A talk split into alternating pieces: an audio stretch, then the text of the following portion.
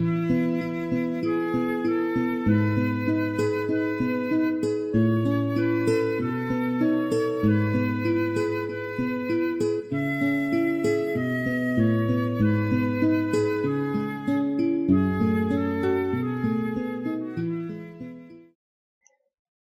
wens je vrede en alle goeds.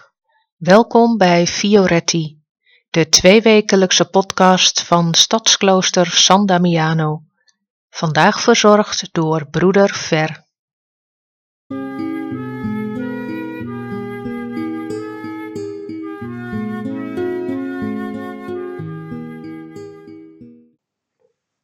Laat ik maar met de deur in huis vallen. Heb jij ooit een overledene gezien? Je vader of moeder? Een ander familielid? Een vriend of een vriendin? Of misschien zomaar iemand? Ikzelf heb vaak bij de baar van een overledene gestaan. Bij mensen thuis, in een kerk, in een crematorium. En dan denk ik als eerste aan mijn eigen vader. En ook aan opa en oma's, tantes en ooms, vrienden en vriendinnen. En ik heb heel veel overleden medebroeders gezien. Wat me dan steeds weer verwondert, dat is, wat is de dood toch dood? Wat is er een groot verschil met kijken naar iemand die slaapt of kijken naar iemand die overleden is.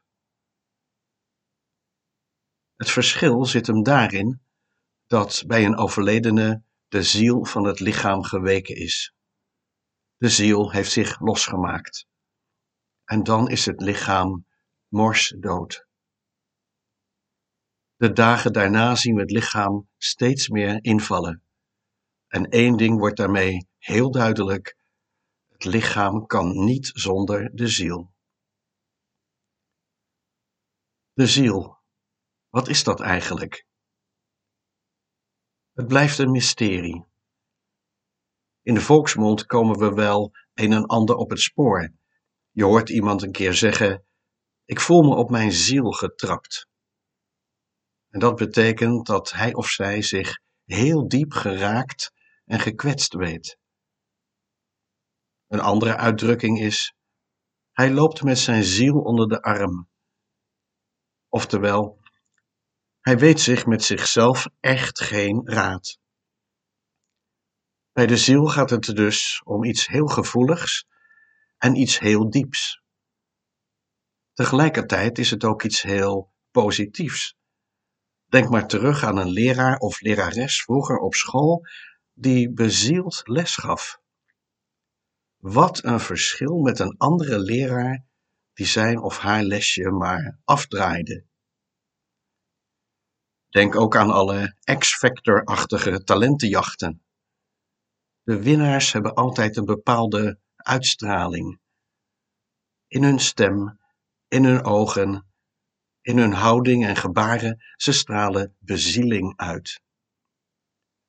Denk ook momenteel aan president Zelensky, hoe hij het Oekraïense volk dag in dag uit bezielt. En dat in zulke verschrikkelijke, verdrietige omstandigheden. Er wordt al gedacht om de nominatie voor de Nobelprijs voor de Vrede nog even uit te stellen, opdat Zelensky mee zou kunnen doen. Voor mij is de ziel de godsvonk in ieder mens, in ieder schepsel. De ziel is de lifeline tussen de bron van alle leven en mijzelf als mens. De ziel als de goddelijke motor in ieder van ons. En net zoals het lichaam niet zonder de ziel kan, zo kan de ziel niet zonder het lichaam want de ziel is onstoffelijk. We weten dat we een ziel hebben en toch blijft de ziel niet te pakken. Het is een mysterie waarover je je kunt blijven verwonderen. Maar de ziel kan dus niet zonder lichaam. De ziel uit zich in de ogen, in de stem, in de houding, in de daden. De ziel drukt haar bestaan lichamelijk uit. Geen lichaam zonder ziel en geen ziel zonder lichaam. Ze zijn onlosmakelijk met elkaar verbonden in ons leven op aarde. Waar lichaam en ziel op en top samenwerken, heel fijntjes op elkaar zijn afgestemd, daar gebeuren er mooie dingen. Franciscaans gezegd luidt dat: Heer, maak mij een instrument van uw vrede.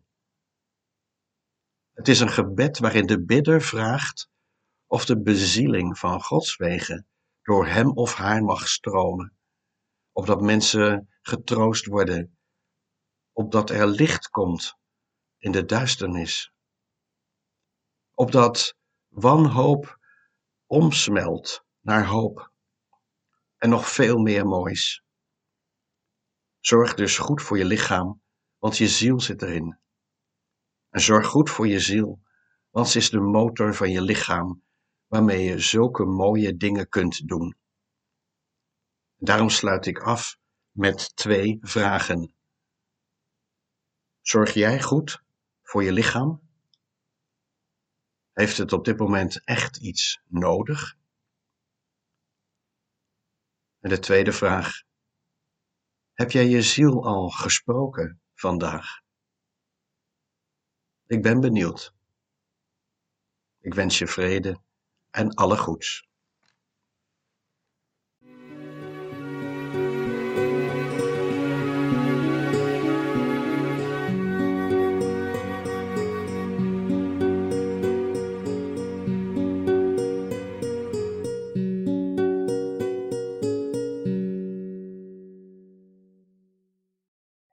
Bedankt voor het luisteren.